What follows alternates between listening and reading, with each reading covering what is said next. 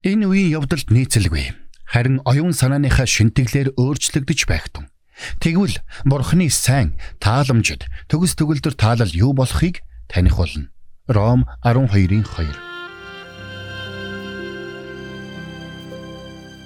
Мэргэний сонсог мэдлэгэд хэлэг. Ухаалаг нь мэрэгэн өдрөмжийг мөн авг. Доктор Харалт цаалогийн мэрэгэн зөвлөмж нэвтрүүлэг.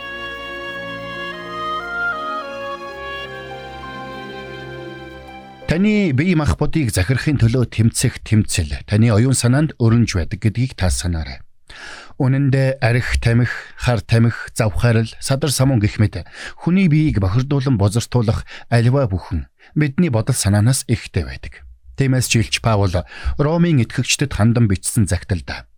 Энэ үеийн явдалд нийцэлгүй харин оюун санааныхаа шинтгэлээр өөрчлөгдөж байх тун. Хэмээн загсан байдаг юм. Тэгвэл би танаас асууя Христэд итгэгч хүмүүс Христэд үл итгэгч хүмүүсээс өөрөөр бодож сэтгэдэг үү? Тэд амьдралыг өөр линзээр хардаг юм уу? Хэрвээ тийм бол ялгаа нь юундаа байдаг юм бэ?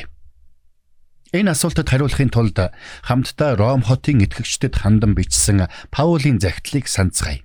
Паул тэдэнд энэ үеийн явдалд бүү нийц хэмээн анхааруулсан байна. Өөрөөр хэлбэл өнөө үеийн хүмүүсийн зам байдал, үйл хөдлөл, хэв маягийг бүү даг хэмээн сануулсан байна. Үнэн дээр тухайн үеийн ромчуудын амьдралын хэв маяг өнөө үеийнхнээс нэг их ялгархааргүй байсан. Тухайн үеийн ромчууд хэрвээ баригдахгүй бол буруу зүйл хийж болно гэж үздэг байсан. Энэ үеийн хэв маяг бидэнд хайртай хүнтэйгээ ойр байх боломжгүй байгаа бол ойр байгаа нэгнээ түр хайрлаад үз гэж хэлдэг. Өөрийнхөө хэрэгцээг яаж игээд хангах нь буруу зүйл биш гэж сургадаг. Учир нь өнөө үед Бидний үйлдэл бол бидний сонголтын асуудал. Тиймээс хинч хэндж юу хийхийг нь тулгах ёсгүй гэж үздэг болсон байна. Цаашилбал хүмүүс өөрсдийнхөө зүй бус үйлдэлийг шинжлэх ухаанаар хаацайлан халахвчлах болсон байна. Тэгвэл Христэд итгэгчид бид энэ хэв маягийг дагах хэрэгтэй юу?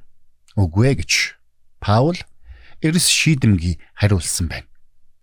Харин ч бид энэ үеийн явдалтай нийцхийн оронд оюун санаагаараа өдөр бүр шинчлэгдэж байх ёстой гэдгийг Паул сануулсан юм. Нийцэх үү? Өөрчлөгдөх үү? Энэ бол бидний өмнө тулгарч буй сонголт. Энэ бол бидний ухамсартайгаар хийх ёстой сонголт болохоос биологийн хүчин зүйлдээ автагдсан хийдэг ухамсаргүй үйлдэл биш юм. Гэхдээ би энд нэг чухал зүйлийг танд хэлж өгмөр байна.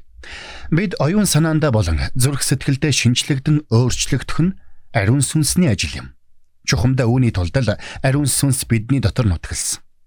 Гэхдээ энэ нэг удаагийн үйлдэл бос харин бидний амьдралын туршид өрнөх үйл явц гэдгийг бид ойлгох ёстой.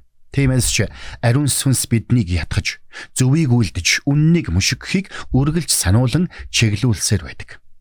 Шинчлэл, өөрчлөлт гэдэг бол бидний зүрхэнд болон бидний амьдралд хийдэг бурхны агуу ажил юм. Тийхүү үр дүнд нь бидний бие махбод хүртэл Бурхны өмнө тааламжтай амьд тахил болон өөрчлөгддөг. Учир нь бидний бодол санаа бидний бие махбодыг өдөрдөж байдаг. Бид амьдралын салаа замын уулзвар дээр ирэх үед бидний биеийг бидний бодол санаал өдөрдөн чиглүүлдэг. Тиймээс бид альва үйлдэлийнхээ үр дагаврыг үргэлж эргэцүүлэн боддог байх учиртай юм. Хийх боломжтой учраас хийсэн. Баригдахгүй бол буруу биш гэсэн энэ үеийн хандлагаас бид зайлсхийх учиртай. Үр дагаврыг нь бодож үзээгүй учраас өнөөдөр олон эрчүүд эмэгтэйчүүд гэр бүлээс гадуурх харилцааг үүсгэн амьдралаа сүрүүлж байна. Америк нэгдсэн улсын ерөнхийлөгч асан Билл Клинтон өөрөө ийм алдаа гаргасныхаа дараа би байж болох хамгийн өчүүхэн шалтгаанаар байж болох хамгийн адгийн алдааг гаргасан хэмээн гимшсэн байдаг. Тиймээс та Амьдралын салаа замын уулзвар дээр ирэх үед хэсэгхэн зургийн зугаа цэнгэлийг хөөгөөд амьдралаа нураах уу үгүй юу гэдгийг эргцүүлэн бодож чаддаг байх учиртай юм. Өнөөдөр энэ дэлхийн ертөнцид хэрэгтэй байгаа тэр өөрчлөлт үнэн дээр бидний амьдралд өдөр бүр өрнж байдаг. Энэ өөрчлөлт Бурхны үгийг уншсанаар, Бурхны өмнө залбирснаар, Бурхныг дуулууртай дагснаар мөн ариун сүнсний хүчинд бууж өгснөөр явагддаг. Тиймээс та салаа замын уулзвар дээр ирэх бүрдээ нийцхүү өөрчлөгдөхүү гэсэн хоёр сонголтын нэгийг хийж байдаг гэдгээ үргэлж санаарай.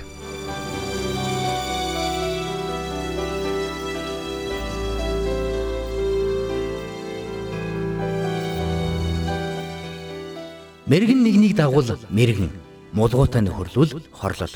Доктор Харалт цайлигийн мэргэн зөвлөмж нэвтрүүлэг танд хүрэлээ.